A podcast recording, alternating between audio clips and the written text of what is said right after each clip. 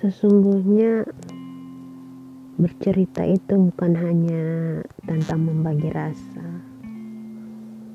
Di dalamnya ada transaksi yang tidak terlihat. Namun dalam kenyataan transaksi itu sedang berjalan. Bahkan masa kadaluarsanya cukup lama dan bisa sangat lama. Setiap cerita yang kita bagikan tampaknya mungkin hanya untuk sekedar melegakan. Tetapi kenyataannya ada suatu permintaan yang kita tuntut dari si pendengar dan permintaan itu adalah harapan besar yang kita punya.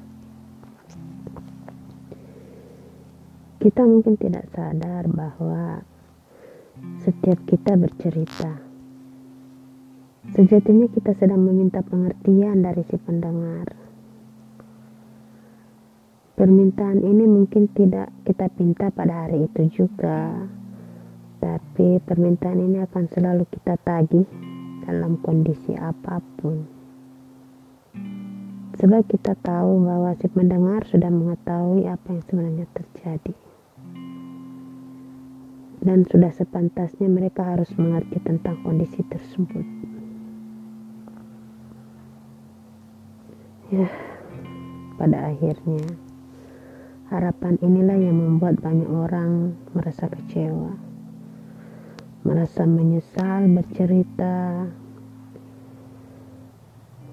karena merasa hilang kepercayaan, merasa dibodohi atau perasaan-perasaan buruk lainnya.